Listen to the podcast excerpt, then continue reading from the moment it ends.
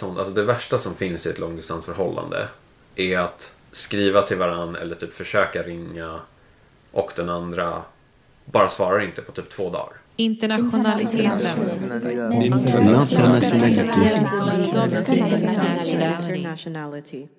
Hej! Mitt namn är Aurora och du lyssnar på podcasten The Internationality. I det här avsnittet så är jag i London på besök hos Jennifer och Christian som detta avsnitt kommer att handla om.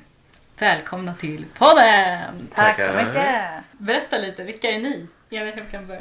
Jag eh, heter Jennifer. Jag är 28. Eh, kommer från en liten, liten by på västkusten i Sverige som heter Kungshamn. Bor numera i London och eh, här jobbar jag som byggingenjör. Jag har bott här ett år nu Mm. och det är kul. Det är bra. Ehm, Christian heter jag och jag är från Stockholm, 28 år gammal. ehm, men är halvamerikan. Så har en pappa som är amerikan. Och eh, pluggade ekonomi hemma i Sverige och flyttade för tre år sedan hit till London. Och ehm, ja, trivs svinbra. Mm. Och är kvar. Nice. Eh, jag har ju då, det här podden heter ju The Internationality. Det är som inte riktigt ett ord, internationalitet. Vad, men vad skulle ni säga att ni tänker på när ni hör det? Vad har det för innebörd för er om ni fick definiera ordet? Oj. Ja. Ehm, kanske att den är... Den tar lite av många kulturer. Kanske från olika länder. Att en, en gillar att blanda flera. Man kanske inte definierar sig så strikt till en. Utan ja, gillar att ha em, många kulturer. Och eh, det är det som känns hemma. Mm. Mm, ja. Ja, jag har något, tror jag, liknande svar egentligen. Alltså internationality om man tänker på så här.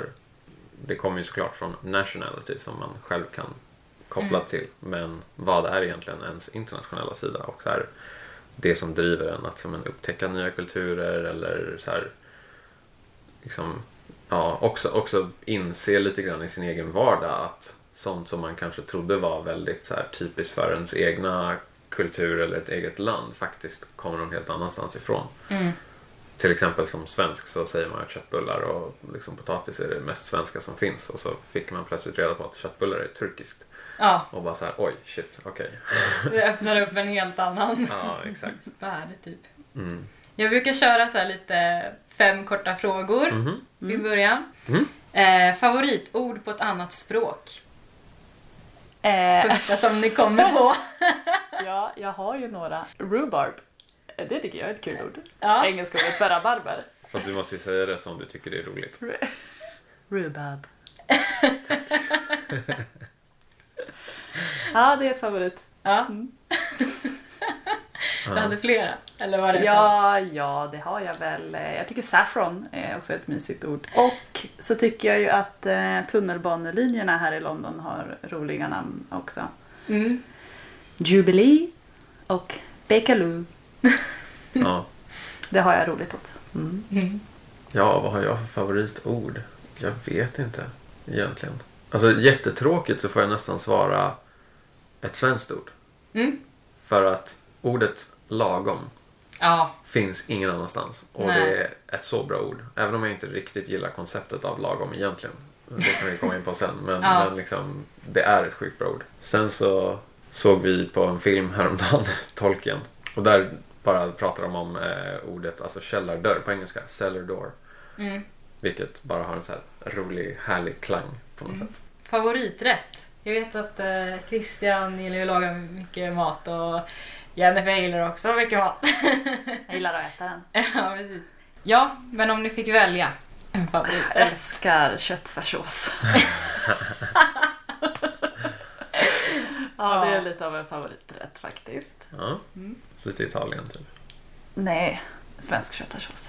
Ja, fast det är nog Ja, ja. Okej. Jag får nog, alltså det här går väldigt mycket i vågor för mig. Mm. Och det är mer så här att jag snöar in mig s- jättemycket på vissa kulturer i vissa stunder. Just nu är jag nog inne i en, och har varit ganska länge, en japansk eh, Mm. streak. Så jag skulle säga det mesta jag äter ute och som jag får så här cravings för är ramen. Mm, det är gott. Båda är goda. Mm. Eh, bästa tradition eller kulturella tillställning? Spontant jul. Mm. Ja, absolut. Ingenting slår julen. Nej. Definitivt.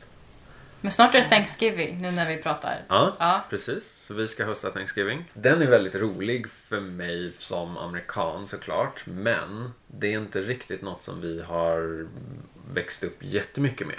Nej. Vi har alltid varit hos folk på Thanksgiving. Men du vet, man är inte ledig på Thanksgiving i Sverige. Nej. Det är, inte så här, det är inte en familjegrej på samma sätt. Utan för oss var det mer kompisar. Och sen har jag, liksom, om nu vi, tagit vidare det här och, och liksom under, under univers- universitetstiden. Men det är mer som en så här mysig middag.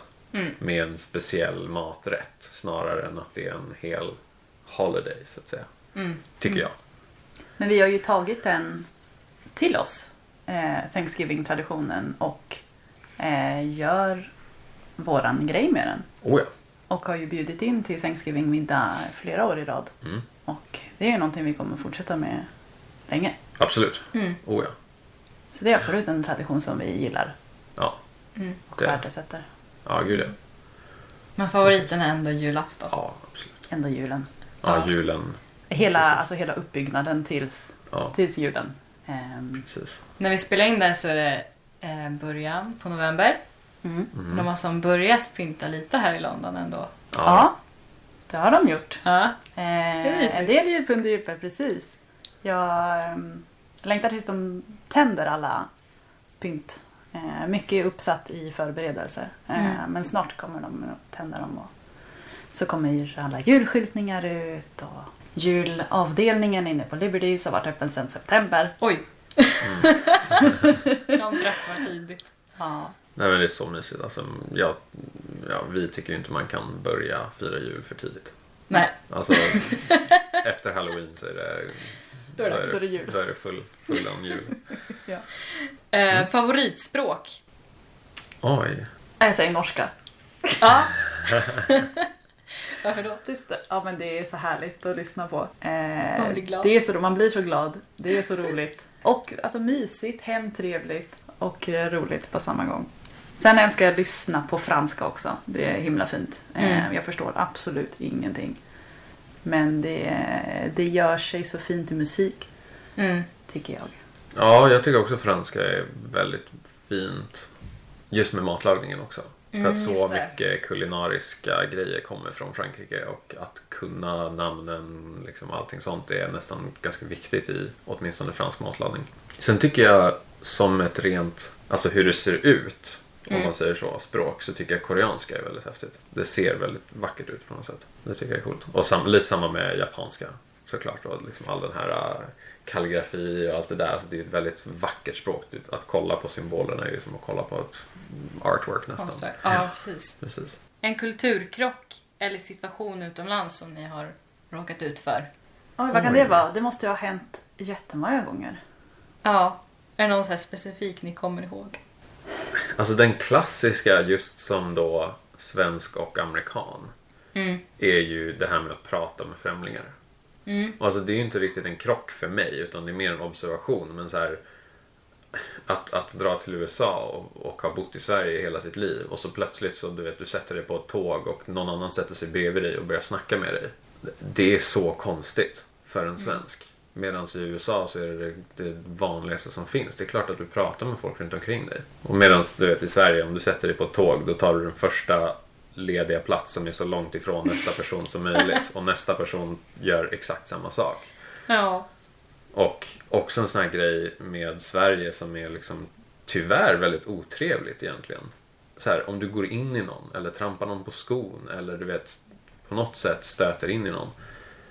Ingen i Sverige säger ju liksom förlåt eller ber om ursäkt utan de flesta går bara vidare. Och det är inte heller konstigt. Om det är två svenskar som går på varandra, ingen säger någonting och går vidare med sina dagar. Gör du det här i London? Alltså det är ju 40 pers som vänder sig om och säger sorry för att de såg att det hände nästan. Alltså du vet, alla vill be om ursäkt och alla är så himla, alltså nästan överdrivet trevliga. Och samma sak i USA om du liksom råkar gå in någon så oh, sorry. Terribly sorry, liksom ibland ännu mer. Så sånt är, det är bara, det är inte så mycket en krock nödvändigtvis. Men, eller ja. Ja, det man att sätta- skillnad ändå. Framstår ju som otrevlig för Ja. att man inte eh, har den artighetstraditionen Mm. i sig. Utan Precis. man lär sig den Ja. eh, Mm. när den kommer hit. Det Och hörde jag sen till när och vi kommer Ja. till Sverige då har, man ju, då har det satt sig lite grann om man råkar då gå in i någon, vänder sig om och säger förlåt och så ser man att den andra personen är redan 20 meter bort Ja. och har inte brytt sig. Exakt. Ja. Jag kommer ihåg en gång i Stockholm också att det var några britter, alltså turister, Mm. i Stockholm. Och så såg jag typ hur någon råkade gå in i någon.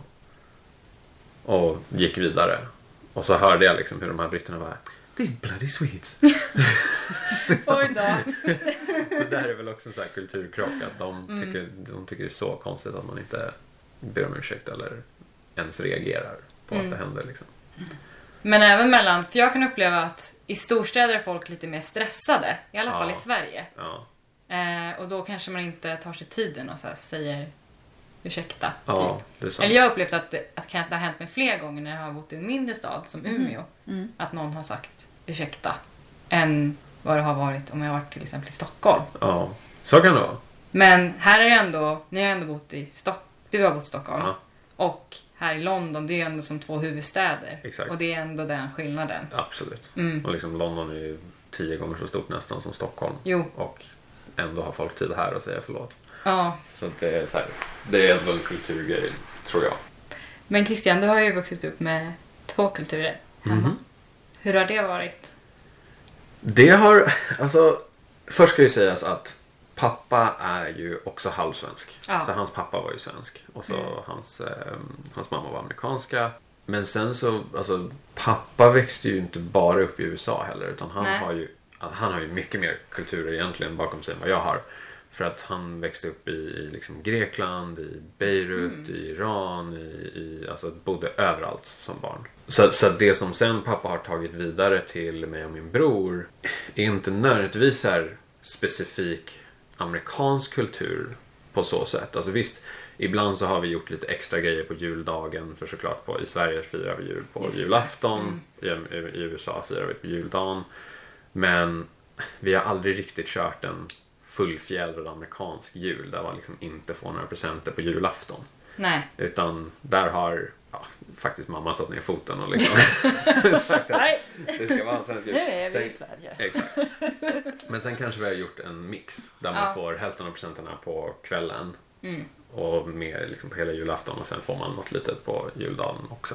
Men jag skulle säga att alltså det som vi snarare har fått i så fall av, av pappa är just den här alltså uppskattningen för andra kulturer. För eftersom han kanske inte nödvändigtvis har haft så här en kultur som verkligen har varit hans utan bott som sagt lite överallt.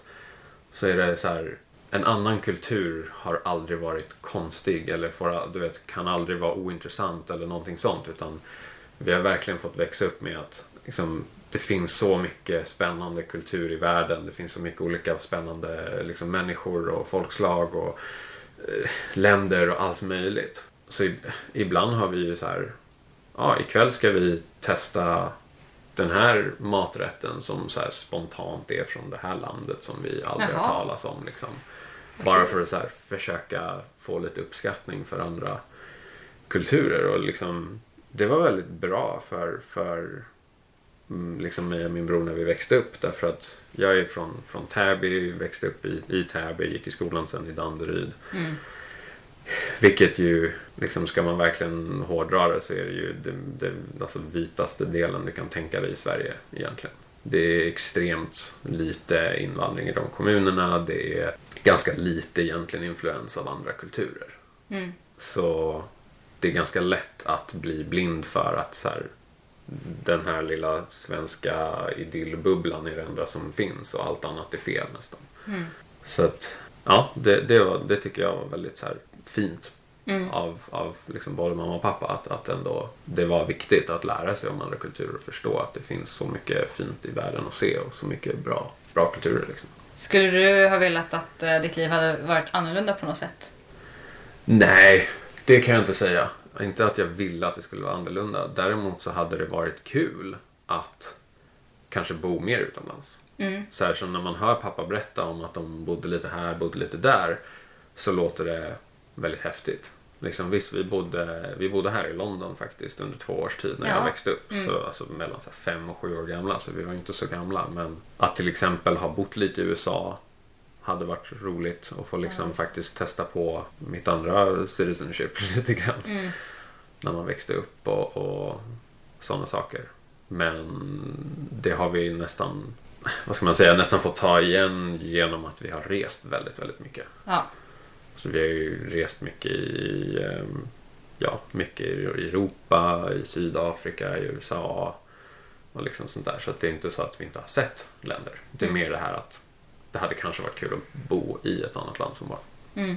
Ehm, skulle du säga att eh, du har några styrkor eller svagheter från att ha haft en så eh, multikulturell uppväxt ändå? Alltså jag, tr- jag tror väl att det första jag tänker på där är just den här nästan automatiska acceptansen av andra kulturer Mm. lite grann. Att man är inte, nu säger jag inte att alla nödvändigtvis är det, men jag tror att det finns ganska många som när man träffar någon som har en, uppenbarligen har en annan kultur eller kommer från ett annat land så kan man bli lite stängd och liksom Vet inte hur man ska... inte hur man ska kommunicera. Och jag skulle väl säga att för att man ändå har introducerats lite för sånt där så är det liksom At the end of the day, vi är alla människor och alla är, alltså 99% av världens befolkning är jättesnälla och vill väl till andra människor. Mm. Och allt det här med liksom, alltså jag, jag tycker det är så löjligt mycket av det här med cultural appropriation och allt det här. Därför att de flesta människor vill dela med sig av sin kultur och tycker det är jättekul om någon annan är intresserad och liksom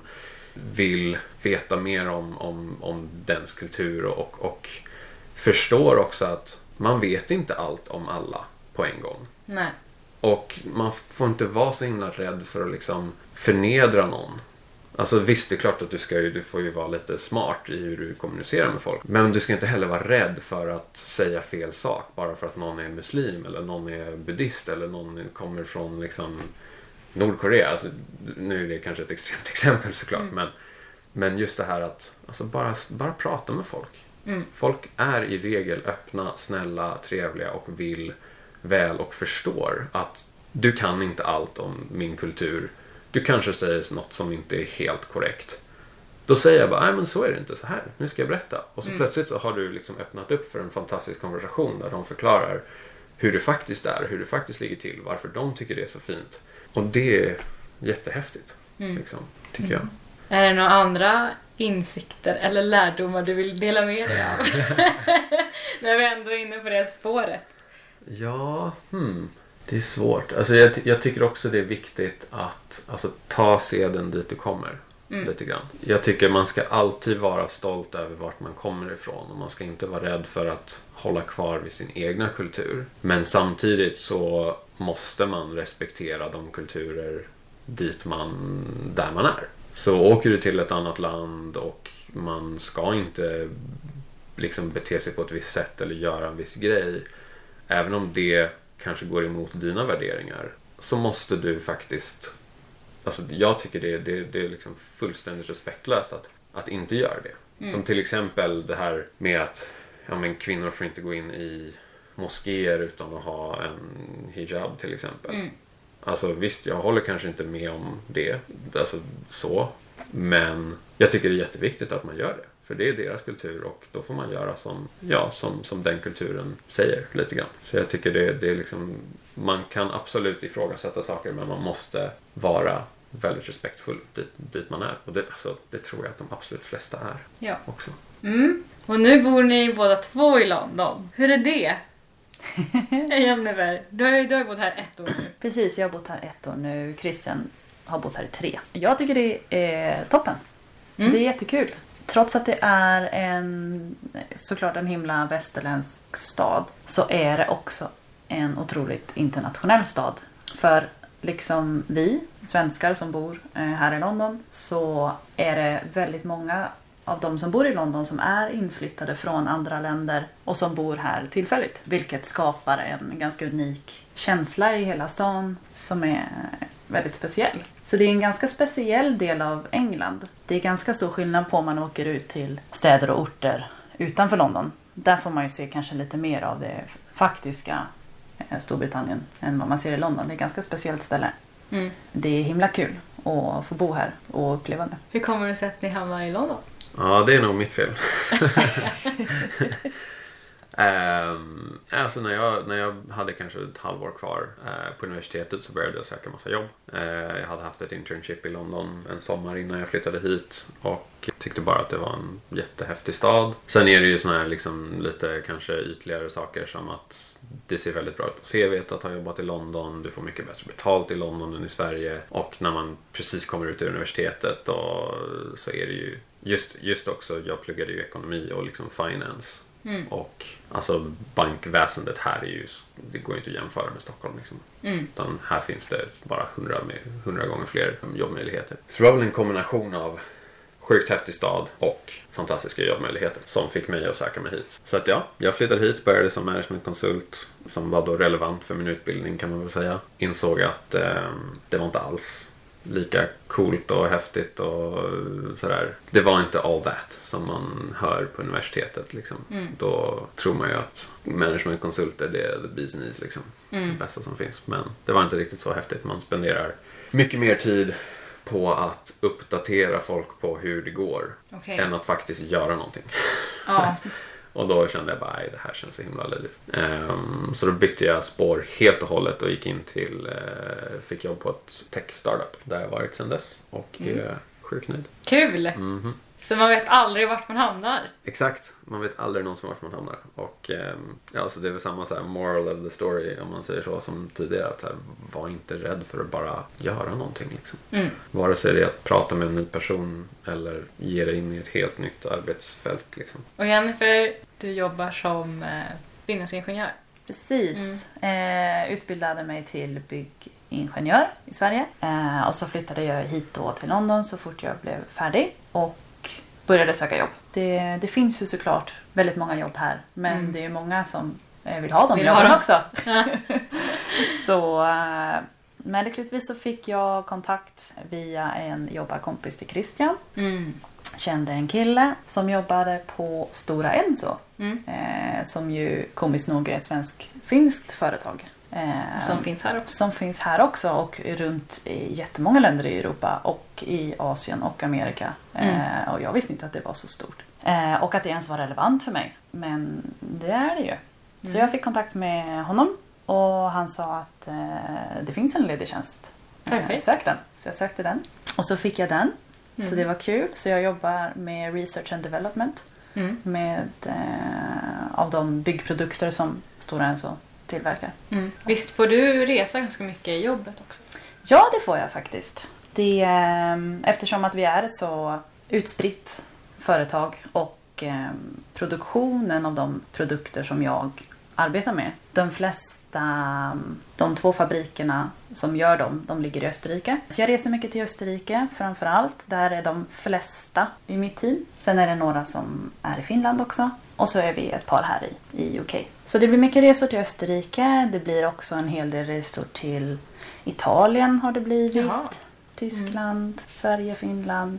Lite blandat.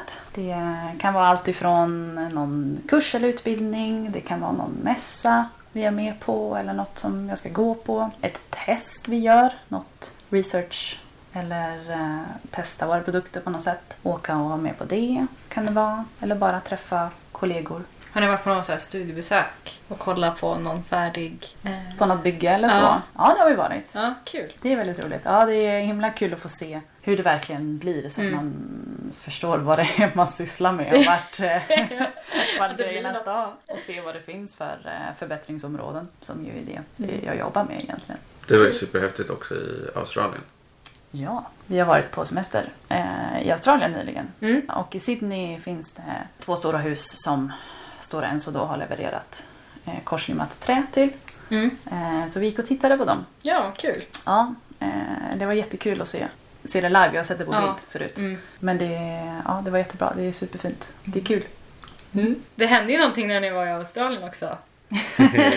Ja, Vill ni berätta? Ja, vi förlovade oss. Ja. Woho! Grattis! Tack så mycket. ja, det tog bara åtta och ett halvt år. Så ni har varit tillsammans åtta och ett halvt år? Ja. Mm. Men vi har inte bott tillsammans hela tiden. Nej. Nej. Nej. Men av de åtta åren vi har varit ihop, eller åtta och ett halvt, så har vi väl bott ihop fyra och ett halvt. Mm. Lite något sånt, mer, fem kanske. kanske. Ja, Ja, lite mer än halva tiden då. Mm. precis. Vi har haft långdistans tre gånger egentligen. Ja, I olika perioder. Hur började det då? När Ja. ni, ni träffades först? det gjorde vi. Vi träffades på en eh, midsommarfest. Då var Christian eh, inbjuden dit för att han gjorde en säsong i Chamonix, franska alperna. Eh, där träffade han ett gäng från Skafte som är några gamla kompisar till mig. Så vi hamnade på, på samma midsommarfest där. Mm. Du bjöd mig på snaps. Ja, det var allt som krävdes. Ja, bra tjej det här.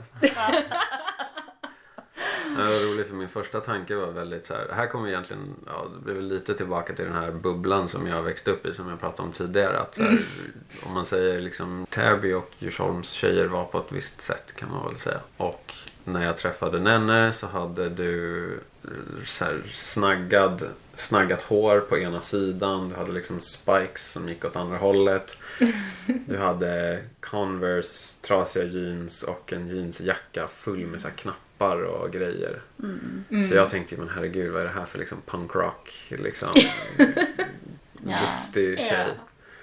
Tyckte jag. Och så började vi bära stolar. Vi skulle hjälpa till att liksom få ner en massa stolar till festen. Och så började vi snacka och, du var jättetrevlig bara.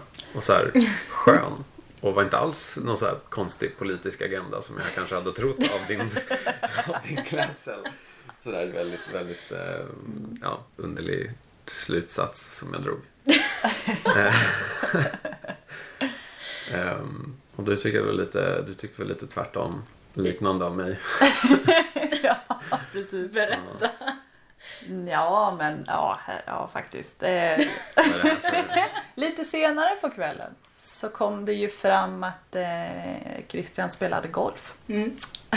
Ja, precis. Vi stod och snackade på någon...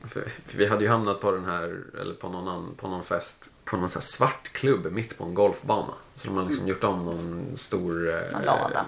Precis, kan man lada. Jaha. Mm. Mitt på en golfklubb. Så vi stod på greenen och snackade och så sa jag bara fan jag saknar att spela golf. Och när nu utbrister åh nej, är du sån? Oj då. Så det fanns tänkte lite, högt där. Ja, jag tänkte högt. Det fanns ganska mycket förutfattade meningar från oss Mm. båda två. Ja, ju. verkligen. Eh, en, en typ av kulturkrock kan man väl säga. Mm. Fast att jag kommer då från typ landet. Mm. Christian kommer från stan. Mm, Eh, det finns ganska mycket förutfattade meningar Ja. om varann. Precis. Så det hade vi. ja, det Mm. hade vi. Men trots det har ni varit tillsammans i åtta och ett halvt år nu ändå. Ja, Ja. Precis. Så jag säger väldigt, väldigt klyschigt varning.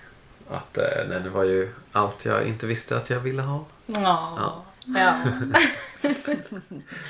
Ja. Ni blev tillsammans där strax därefter. Ja, Ja. Vi fortsatte ju att träffas under sommaren. gjorde vi. Mm. Men Christian bodde i Stockholm och jag eh, bodde i Kungshamn. Mm. Så det är som på varsin kust Just av. Sverige. Mm. Så just att det var sommar så hade vi förstås friheten att kunna ses ganska mycket. Mm. Men sen när hösten drog igång så var det ju mer jobb och, Mm. och så. Så där någonstans fick vi väl ta ett beslut kanske om vi eh, ville satsa eller inte. Och det bestämde att vi, att vi ville. Mm. Mm. Så det var mycket flyg och ibland bilresor Ja. fram och tillbaka. Så ni började egentligen med distansförhållande? ja, Mm, precis. det gjorde vi. Och det var egentligen ganska lustigt för att jag hade på den tiden ganska nyligen kommit ut ur ett förhållande. Som hade egentligen brustit. Så här trodde jag då i alla fall på grund av långdistansen. Visade sig att det var dåligt långt innan dess. Men i alla fall, det, jag var lite skärrad av just långdistans. Så Ja. när vi, hade, när vi liksom var klara med vår fina sommar och jag skulle åka hem och vi satt på flygplatsen så hade vi just den liksom, diskussionen om vad vi vill göra med det här. Jag kommer ihåg att jag hade liksom världens sämsta svar där jag så här, i mer eller mindre sa att jag vill inte ha långdistans men jag vill inte sluta prata med dig. Så att det, man ville ha kakan och äta den liksom. Men det resulterade ju egentligen bara i att vi absolut sa att ja, vi vill fortsätta Ja. liksom, försöka. Mm. Det var väldigt svårt att ha det samtalet. Mm. Eh, och jag tror vi båda två var väldigt liksom, ledsna den dagen. Men sen typ så fort vi kom hem så började vi ringa varandra. Och, ja. Så det började med långdistans inom Sverige först. Yes. Ja. Och sen bodde ni ihop För ni sa att det var tre vänder. Ja, Mm. jag Ja. Flyttade till Stockholm sen Ja. eh, efter ett tag. Mm. Eh, Jag var trött på att bo i lilla Kungshamn. Jag ville eh, se något nytt, något större. Så jag tog och flyttade till Stockholm och eh, jobbade där i ett par år. Och då, då bodde Christian lite då och då hos mig. För jag bodde ju fortfarande hos föräldrarna på den tiden. Mm. Så det var liksom, det var, jag fick ju inte riktigt, tyckte föräldrarna, bo hur mycket som helst hos den här nya tjejen liksom. eh, ja, det blev väl lite 50-50, någon vecka här, någon vecka där. Ja, Mm. precis. Ja, Vi var i alla fall nära varandra. mm, Mm. precis. Och så var det kanske i ett år. Ja, knappt ett år tror jag. Sen ehm, eh, kom du fram till att du ville börja plugga på universitet. Precis. Så jag visste ju egentligen hela tiden att jag ville plugga. Det var bara en fråga om vad och vart jag skulle komma in. Så det var väl så här nästa ganska jobbiga grej. Var att där jag kom in, det var Umeå. Och det var ju längst ifrån liksom. Ja. Egentligen. Alltså nere i Lund kändes mycket enklare för att jag har landställe där och jag vet hur lätt det är att komma dit och sådana Ja. grejer. Liksom, jag hade ju aldrig varit norr om Gävle förut. Så att Nej. plötsligt liksom komma in i Umeå och bara det här kanske blir jättesvårt att ta sig till. Jag hade ju ingen aning så här. Men jag hade redan tagit två, två sabbatsår. Vilket eh, redan i mina föräldrars tycke var ett år för mycket. Okej. Ja. Och lite så för mig själv också. Jag tyckte nej, nu måste jag, nu måste jag skärpa mig och sätta igång. Och då hade jag redan också tackat nej till en skola i London året innan. Okej. Vilket Mm. inte heller var ett så himla populärt beslut. Nej, jag förstår det. Så, ehm, så jag fick sätta igång då. Och Då var jag kvar i Stockholm. exakt. Så då vart det det andra distansen. Då var det andra. Precis. Andra. Det var andra. Precis. Mm. Det var ändå enklare därför att även om flyget är kanske lite kortare mellan Göteborg och Stockholm. Så eftersom du bodde i Kungshamn så tar det ju två, tre timmar att ta sig Just till det. Göteborg och flygplatsen först. Ja. Så skulle du flyga däremellan, det är ju en halv dag liksom. ja. Medan att åka upp till Umeå från Stockholm är ju plötsligt jätteenkelt. Så det var lite, lite lättare var det ändå Mm. faktiskt. Men då hade man ju ändå fått lite smak av att faktiskt bo ihop och hur härligt det var. Ja. Så det var ju tråkigt. Mm. Men samtidigt så tror jag att varför vi... För då hade vi absolut inte det här snacket med att ska vi ens fortsätta när vi kör långdistans. Utan Mm. då hade vi redan bevisat för varandra att vi kunde göra långdistans. Att vi klarade av det. Mm. Så det var inte lika... Det var inget... Det behövdes liksom inte ta något beslut på så sätt. Och så hade vi lärt oss lite, lite grejer som liksom är väldigt viktiga för att långdistans ska fungera. Vad var det då? Har ni några exempel? Mm. Mm. Eh, någonting som vi bestämde tidigt som eh, har varit jätteviktig är att aldrig resa ifrån varann utan att man har bestämt när man ska träffas nästa gång. Så vi brukar Precis. alltid se till att boka nästa resa innan man får ifrån varandra. Det har eh, hjälpt jättemycket att veta att man ska ses igen när det nu är dagen. När det blir också. Mm. Mm. För jag tänker, folk som lyssnar på den här podden kanske är sådana som också tycker om att resa och upptäcka och kanske eventuellt ställs inför det här att eh, man ska ha distansförhållande. Mm. Mm. Så det är som ett bra tips, skulle ni säga då? Absolut. Mm. Det bästa Absolut. tipset. Ja, Mm. att ha den vetskapen.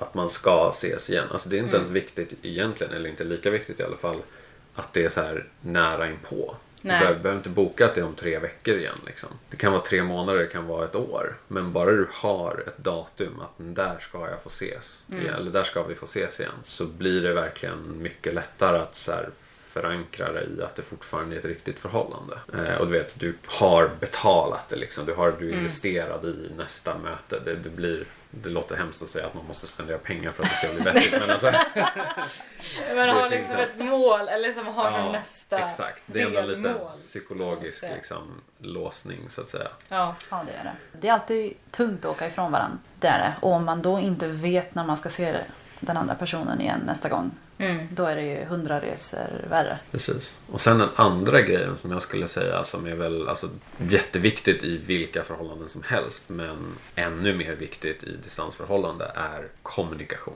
Hur ofta pratar ni med varandra? Eller Ja, alltså, jag skulle precis komma in på att för oss var det inte frekvens av Nej. kommunikation utan vad man pratar om. Alltså Okej, du mm. måste prata om hur känns det, hur mår du, har du tyckt det var jobbigt idag? Alltså du vet, det finns ing- alltså för oss har vi väl känt att det, det, det finns ingenting som är att prata för mycket.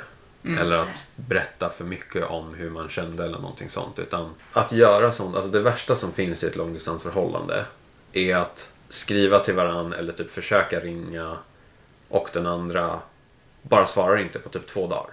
Då sitter man där och man börjar undra och man börjar så här, fan, är, är, är hon ute? Är hon, vem är hon med? Liksom sådana grejer. Men har man då så här pratat innan och så bara, ja men jag ska iväg med en kompis imorgon eller vi ska iväg till landet och jag kommer inte ha någon täckning så här. När man bara har pratat så är det så himla mycket lättare att vara lugn i förhållandet. Även om du inte så här, vi ska höras klockan 12 och klockan 6 varje dag. Det funkar inte för oss.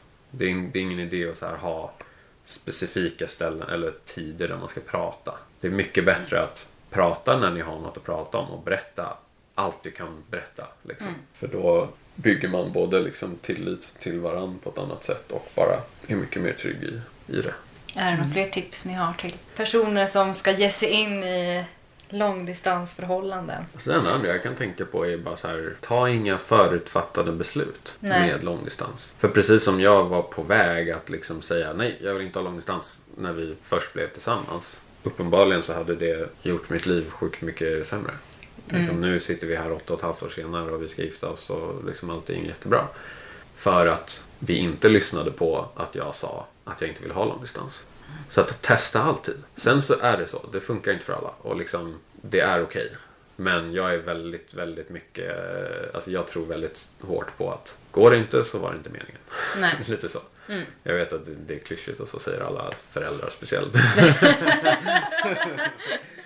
men, men jag tycker det ligger ändå mycket i det och liksom, tror ni att det kommer gå så kommer det gå. Och ett exempel också är våra, de vi bor med, våra flatmates här. Han är spansk, hon är från Nya Zeeland. Så att alltså, de hade bott med varandra.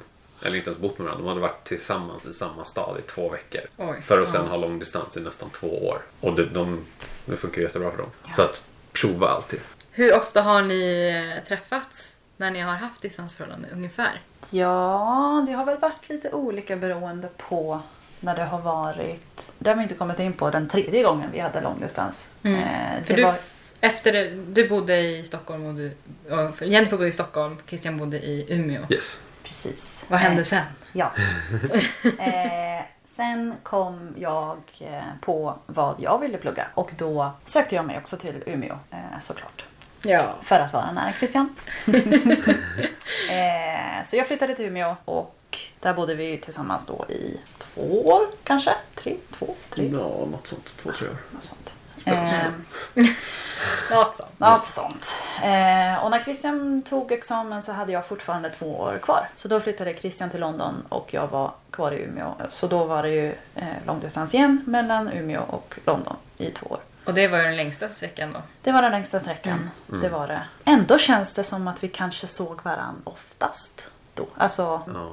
så eftersom att jag pluggade så var det lättare för mig att resa. Och det var roligare, tyckte jag, att åka till London Mm. eh, också. Så eh, Plus jag att vi åkte- hade ju råd egentligen för första gången ordentligt. När jag ändå jobbade så hade Mm. jag råd att betala lite mer för att vi skulle komma oftare. Exakt. Så jag var nog, jag reste till London var fjärde, femte veckan och sånt där. Och stannade i nästan en vecka varje gång. Så det är ganska ofta för kanske det average långdistans som ändå är så pass långt ifrån varann. Så kunde vi ses väldigt ofta ändå. Precis, det blir svårare om båda parter jobbar. Eller... Just det. Men det funkade bra när det var plugg och jobb. Hur höll ni kontakten när ni inte träffades då? Ja, både ganska mycket meddelanden. Mm. Eh, typ god morgon eh, meddelanden och, och sådana grejer. Och sen ringde vi varann varje dag. Oftast eh, videosamtal. Ja, men verkligen alltså en kombination av, av alla. Jag är väl ganska dålig egentligen på att skriva. Alltså det är det minst effektiva.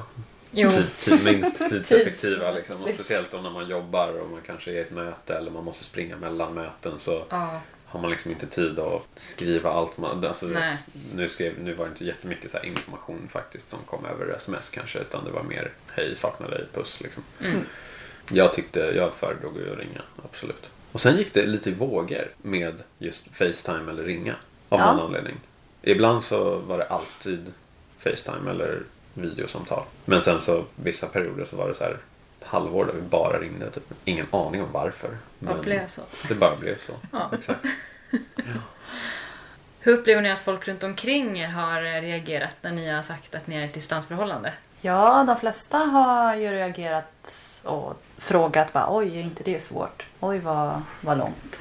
Mm. Eh, och sådär. Det är mycket förutfattade menar, meningar eller vad man kan säga om att det ska vara jobbigt och svårt. Mm. Vad är svårast då? Att inte kunna ses när man vill. Ibland så har man eh, dåliga dagar och då vill man ju bara vara med den andra personen. Och Mm. så går inte det. Eh, Mm. det. Det är nog det jobbigaste. Tycker jag. Ja, precis. Jag håller med. Det är liksom samma, samma för mig.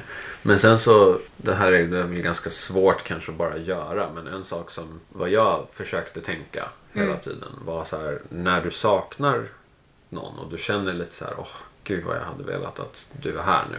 Och det kanske låter jätteklyschigt men alltså ta vara på det. Mm. Därför att den känsla du har att du saknar någon så jäkla mycket är ett otroligt starkt bevis på att du faktiskt vill vara med den här personen. Och Ja. det är få förunnat att vara så liksom kär och glad och att du nästan fysiskt gör ont av att hon inte är här nu Mm. med dig. Och för mig så kunde det faktiskt vara en väldigt Alltså det kunde vara väldigt skönt för att om du bara liksom tänker på det på det sättet. Ja, jag mår dåligt, liksom fysiskt dåligt av att du inte är här. Så är det så här, wow, men det är ju sjukt starkt. Och sen så ringde vi och pratade och bara så här, liksom man säger det att alltså, jag saknar dig så mycket idag men det känns så bra. Då blir det liksom en helt annan grej. Och så såklart, du blir glad av att jag säger det och så, så här, Mm. blir det bara en bra, vad säger man, en positive cycle liksom. Istället för att du vet, bli ledsen och bara ja, du är inte här och Mm. jag saknar dig men ja, du, alltså, du vet att det, det är lätt att en sån känsla blir negativ istället och Ja. att man blir nästan sur på den andra för att den inte är där och man börjar skylla på varandra för av saker och ting utan istället Mm. bara så här wow, det här är, det är häftigt att jag mår dåligt. Alltså du ska vara mycket, mycket mer orolig för ditt långdistansförhållande om du inte, om du inte saknar personen. Alltså om, Ja. du, om du inte tycker det är jobbigt att vara borta från den är mycket värre än att tycka att det är jättejobbigt. Ja, vi har faktiskt varit himla duktiga på något vis på att vända saknaden till någonting positivt. Mm, och se den eh, på ett positivt sätt. Hur skulle du säga folk runt omkring dig har reagerat då? När du har berättat att du har distansförhållande? Alltså, här har det varit ganska lustigt för att liksom först har ju folk bara oh shit har du långdistansförhållande? Okej, Mm. vilken, vad jobbigt, är inte det alltså, så här, samma sak som Ja. du beskrev. Men sen så har de ofta bara så här, "Ja, men hur ofta ses ni då? Här, ja, knappt en gång i månaden. Bara, Jaha, fan, det är ju lugnt ju. Nästan så. Okej, ja. Jag tror väl att det där återigen, det kommer nästan tillbaka till så här, lite kulturgrejer. Alltså London som är en sån internationell stad. Alltså det är många här som har långdistans mellan typ Hongkong och London eller du vet Sydney Ja, och. Singapore och eh, London och New York och liksom sådana Mm. saker. Det är mycket, mycket större distanser. Så att ofta får man den reaktionen här tycker jag. Ja. Att det var inte så himla farligt. Nej, Lite så. det är inte så långt. Nej, precis. Eh, jag har också varit i distansförhållanden två gånger. Den ena gick inte så bra. Den andra gången gick det bra. Då var det rätt. Jag bara funderar lite på så här, äh, andra personer som visar intresse. Jag har upplevt att när jag har varit på ett annat ställe och ändå varit i ett förhållande så har personer som kanske inte skulle ha visat intresse om jag hade varit på samma ställe som min partner visat intresse i större utsträckning. Har ni upplevt något sånt? Att någon annan har visat intresse? Och hur har ni hanterat det? Jaha. Vem vill börja? Ja. Ja, det har ju... Jag vet inte om det har berott på att Christian inte har varit på samma ställe som jag. Nej. Men det eh, har ju hänt att kompisar har eh, visat intresse för mig. ja, du är lite heartbreaker ändå. Vad skönt att du ser det på det sättet. Ja. Ja, det har hänt. Två gånger. Två gånger Mm. ja, under universitetet. Men jag vet inte, jag är ju, det är ju en kul egenskap med mig. Att jag är jättedålig på att se samband. ja. Jag kan jag inte- känner igen mig. Jag gör inte det. Eh, så jag, jag vet inte om det kan ha med, med det att göra. Att eh, Kristin inte var där. Men, Mm. Men jo, lite grann förstås. Jag tänker att det Att- kanske blir lättare att så våga säga vad man känner. Alltså visa det intresset om det liksom inte är en annan ja, fysiskt där. Och också kanske att det är lättare att de känslorna eh, uppstår. Om du inte eh, ser den här personen med eh, dess partner. Att du bara Ja. ser den personen själv och umgås med den och blir kompis med den. Och att det då växer ett intresse för att man liksom inte ser att den personen har ett förhållande direkt. På samma sätt i alla fall. Ja, Men det är ju lite så, man släpper ju ner sin guard kan man ju säga. Alltså när du väl är i ett förhållande så tänker du inte på att folk kanske flörtar med dig för att du är Nej. inte intresserad. Och då, precis som du säger, så plötsligt så liksom inser man inte när folk flörtar och sen när man väl Nej. inser det då är det för sent för då är de Ja. redan kära. Ja, Lite så. ja Precis. precis. Man Det var ju det som hände för dig i alla fall. Ja, jag fattar inte det. Nej. nej. Nej, precis. Ser det bara som eh, en eh, härlig kompis. Och sen visar det sig att det fanns lite mer där som jag bara inte har märkt. Jag Nej. tänkt på. Men det kan nog ligga mycket i det att man redan är i ett förhållande som man är eh, lycklig i. Mm. Liksom. Och då Ser man. förutsätter man att alla andra vet det. Eller liksom... Ja. Att alla andra ser på det så som man själv ser på det. Ja. Lite. ja, exakt. Och man har väl också lite så här. Man tror att bara för att man har sagt att man är i ett förhållande så tror man att ja, men det innebär att ingen annan kan bli kär eller Mm. intresserad av en. Eller att man förväntar sig att andra ska respektera det. Typ. Exakt. Ja. Att andra bara så ska okej, Back du är off. limits, Ja. då får jag inga känslor för dig. Mm. Mm. Men så Man funkar det inte. tror att det är så enkelt men det, det är inte det. Hur har ni hanterat... Eller jag, du sa Ja. att det har hänt dig. Jag vet inte om Mm. det har hänt dig. Nej, inte Nej. på samma sätt. Inte alls att någon liksom faktiskt blev kär i mig eller Nej. kärleksförklarade mig. För du fick ju verkligen kärleksförklaringar från två personer. Liksom, som... Mm. Hur hanterar man det då? Man pratar om det. Exakt. Mm. Mm. Exakt. Det var ju det alltså, jag var ju aldrig orolig över Nej. det här. Alltså så fort något ens remotely liksom kärleksförklarande aktigt hade hänt. Och även innan så hade ju du berättat det. Mm. Och du hade ju berättat, alltså du vet, jag visste ju att du satt och pluggade med de här människorna varje dag. Jag visste att ni förfestade tillsammans. Jag visste att liksom, och för att jag har hört det här så, så är jag inte orolig liksom. Nej. Du har redan hört Exakt. Jennifers sida av allt. Exakt. Liksom. Ja. återigen, det är så här. Om du plötsligt får reda på att det finns en kille i Umeå som liksom, om den aldrig hade berättat för, om, om personen och sen kommer det fram att han har kärleksförklarat sig. Det hade varit en helt annan grej. Men just eftersom jag visste exakt vem det var, jag träffat dem till och med och du har berättat om dem liksom i ett halvårs tid för att det är dina kompisar. Så jag såg det ju innan du egentligen. Ja. Att de- Jaha. Ja, jag sa alltså Okej. älskling. I know men. 'cause I'm a man. Han är jättekär i dig, kan du bara inse det liksom? Och du bara, hej vi är bara kompisar och sen två veckor senare så bara Jennifer. Världens jävla sms som bara... Oj, oj, oj. Ja, Oj, vad jobbigt. ja. Ja, det var, men det var jobbigt. Alltså Ja. för att det var ju min eh, bästa kompis i klassen, liksom, Mm. en av mina bästa kompisar. Det är Eh, jättejobbigt. Det är så svårt, det är jättesvårt att hantera. För då förlorar man ju som typ en vän. Ja, lite grann. Ja, man, lite. man får ett annat förhållningssätt till varandra. Ja. Eh, och det är ganska svårt att hitta det. ja. Hur, eh, hur ska det vara nu då? Eh, för jag ville ju bara ha det som det hade varit. Precis. Och det är inte så lätt. Nej. Jag tror, alltså, tillbaka till din faktiska fråga. Liksom, hur, för att, som sagt, för mig, jag hade ingen som kärleksförklarade mig eller så. Men däremot hade jag ju till exempel mitt första år på universitetet Mm. under tiden man har långdistans. Och du vet, det är liksom bara singelmänniskor. Ja. Och alla, hela mitt killgäng var ju så här, alltså man vet ju hur man är på första året på universitetet. Man vill ju liksom vara med allt och alla som rör sig nästan. Och, och när Mm. man då är ute på en klubb och man är liksom åtta grabbar och varenda annan kille i ens gäng liksom har hittat en tjej som de ska hem med eller ska alltså, sitta Mm. med på klubben eller vad det nu är för någonting. Det, det är mycket lockelse Mm. om man säger så. Speciellt när du är lite påverkad och, och liksom sådana där grejer. Det var inte alltid det lättaste.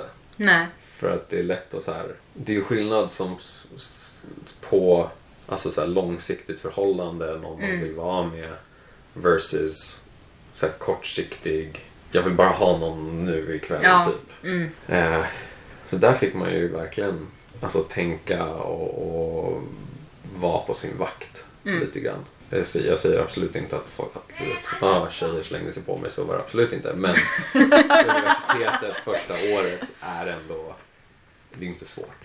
Mm. Liksom. Och det tror jag de flesta håller med om. Mm. Både, på, liksom, både tjejer och killar. Man ser ju det alla som går i ettan nu liksom. Exakt. Jäklar vad de håller på. Ja, det blir så. Ja men så i långdistans till exempel då. Så som när du pluggade innan jag var där och sådär. Det får en ju också att fundera själv. Eh, tycker jag det här är värt det? Mm. Tycker jag det är värt att vara i det här långdistansförhållandet som jag har? Eller vill jag testa någon av alla de här andra personerna som Mm. finns här i min närhet nu? Det är jättenyttigt Mm. och viktigt att göra det och tänka efter. Är det här rätt? Vill jag göra det jag gör? Mm. Eller vill jag testa någonting annat? Det tror jag också att långdistanset kanske har gett oss. Mm, Mm. Eh, Att man har tänkt det flera gånger om man verkligen är säker nu. Liksom. Ja, Mm. det har i alla fall jag tänkt på många gånger. Eller att man bara reflekterar lite grann ibland. Tänker tanken om jag inte var... Ja, skulle jag hellre vilja ha det här istället för det jag har? Nej, det vill jag inte. Okej, bra. Precis. Ja, nej verkligen. Att, att utsätta sig för frestelser och neka dem liksom. Mm. Men sen så, alltså, jag hade ett tillfälle på universitetet där det gick lite för långt Mm. med en annan tjej. Vilket jag inte är stolt över, men det hände liksom och det var faktiskt i Åre, så det var sån här Åreresa och du mm. vet, alla, är, alla har Ja. klubbat hela natten, man är Ja. full i kastrull, inte för att en ursäkt men i alla fall. Och sen så hade jag bara gått hem, inte gått hem med utan vi var ett helt gäng liksom som gick tillbaka till hotellet. Gått med någon tjej, inte riktigt fattat hennes intentions men så Mhm, hade hon mm. då till slut velat kyssas och jag tänkte så här, ja vad kul, typ. Mm. Och så kysstes vi och sen liksom, oj men gud vad gör jag? Det här Mm. går ju inte. Och på en gång så bara, men herregud, det här är ju helt fel. Det tog, alltså det var ju synd att det tog tills att det gick för långt innan, jag, innan någonting klickade. Mm. Men den så att säga panik där ensued Mm. på grund av det. Alltså jag ringde ju dig på en gång. Det här Mm. var liksom klockan halv två på natten tror jag. Ja. Kvart i två. Där liksom man plötsligt inser vad man gjort. Och jag bara direkt ringde, berättade exakt vad som hade hänt. Mm. Var jätteledsen och liksom bara så här. Ja, det finns inga ursäkter för det här men det här hände och jag insåg vad som hände och jag är så jävla ledsen. Det var också så här, alltså det låter ju hemskt att något sånt ska behöva ske men det var också en bara så här sjukt bra confirmation av att det var så fel. Mm. Och det vi har är så rätt och jag vill satsa på det även om det här hände. Liksom. Mm. Jag tycker det återkopplar lite till det vi pratat om innan. Att eh, det är liksom också det här med saknaden. Att man liksom konfirmerar vad man känner Mm, Ja. någonstans. precis. Sen säger jag inte att jag rekommenderar att testa och kyssa. Nej. Och sen sista, det var sista långdistansen där då. Precis. Mellan London och Umeå. Just. Sen tog jag äntligen examen och kunde flytta hit till London. Jag med. Och det var typ ett år sedan. Det var typ ett år sedan, Mm. precis. Ja, ett och ett halvt är det väl nu då. Mm. Det är nog november. Flytta hit eh, på sommaren. Mm. Nu ska jag flytta till New York och Nej! Då. Nu har vi bestämt att vi inte ska göra det mer. Jaha, vad händer nu då? Nästa grej. Vi har förlovat er. Ja. Blir det bröllop? Ja, det blir bröllop. det. Blir bröllop. Eh, vi ska börja titta på venues nu i vinter. Mm. Vi verkar vara en av väldigt få par som vill gifta sig på vintern. Så eh, nej, vi vill ha ett vinterbröllop. Helst ett vitt sådant. Mm. I något snöigt landskap. Ja. Fint. Vi- Ja. Ja, det är drömmen i alla fall. Ja, precis. Kul. Ja, jättekul. Ja, sen efter det. Vi kommer stanna i London ett tag. Eh, Tills vi tröttnar. mm, Mm. precis. Tänkte vi nog flytta till Sverige. Ja. Ja. när det blir dags för barn och sånt. Får man se vad som händer däremellan. Herregud. Allt är Ja. öppet. Men Precis. Spännande. Mm. Men jag tror ju att vi kommer, alltså, jag tror inte att vi kommer flytta till Sverige och bo där i resten av våra liv. Det Nej. tror jag inte. Mm. Jag tror vi kommer vara där tills våra barn är några år gamla i alla fall. Och sen som familj iväg och se världen lite mer. Mm. mm. Spännande. Jag vill ju fortfarande tillbaka lite till ja, men pappas rötter då, till USA. Mm. Testa på det. Jag vill också ha bott i Asien någon Mm. gång innan det blir för sent att flytta dit så att säga. alltså att man är för gammal menar jag. Ehm, Det är nog många länder kvar på vår karta. Mm. Kul. Eh, jag tänkte vi kunde börja runda av lite. Är det något Mm. mer ni skulle vilja tillägga som vi inte har pratat om nu? Jag tror inte det. Från min sida i alla fall. Ja, i och för sig. Alltså en grej som är kvar i, i vårt förhållande kan man väl säga. Det är ju att bo eh, bara vi två. Ja, just det. Ja, Det har vi ju inte riktigt gjort än. Nej. För här i London, här bor vi tillsammans med ett annat par. Och vi trivs superbra med dem. Det är jättemysigt. Eh, verkligen. De är eh, himla fina. Men det finns ju en längtan att få bo eh, bara vi två. Mm. Och jag tror, ja, så länge vi bor i London så kommer vi nog inte bo själva. Det är inte superekonomiskt. Nej, precis. Så- Det vi hoppas på är väl att Brexit ska totalt kollapsa husmarknaden här så vi kan köpa ett billigt hus. Bra, bra. ja.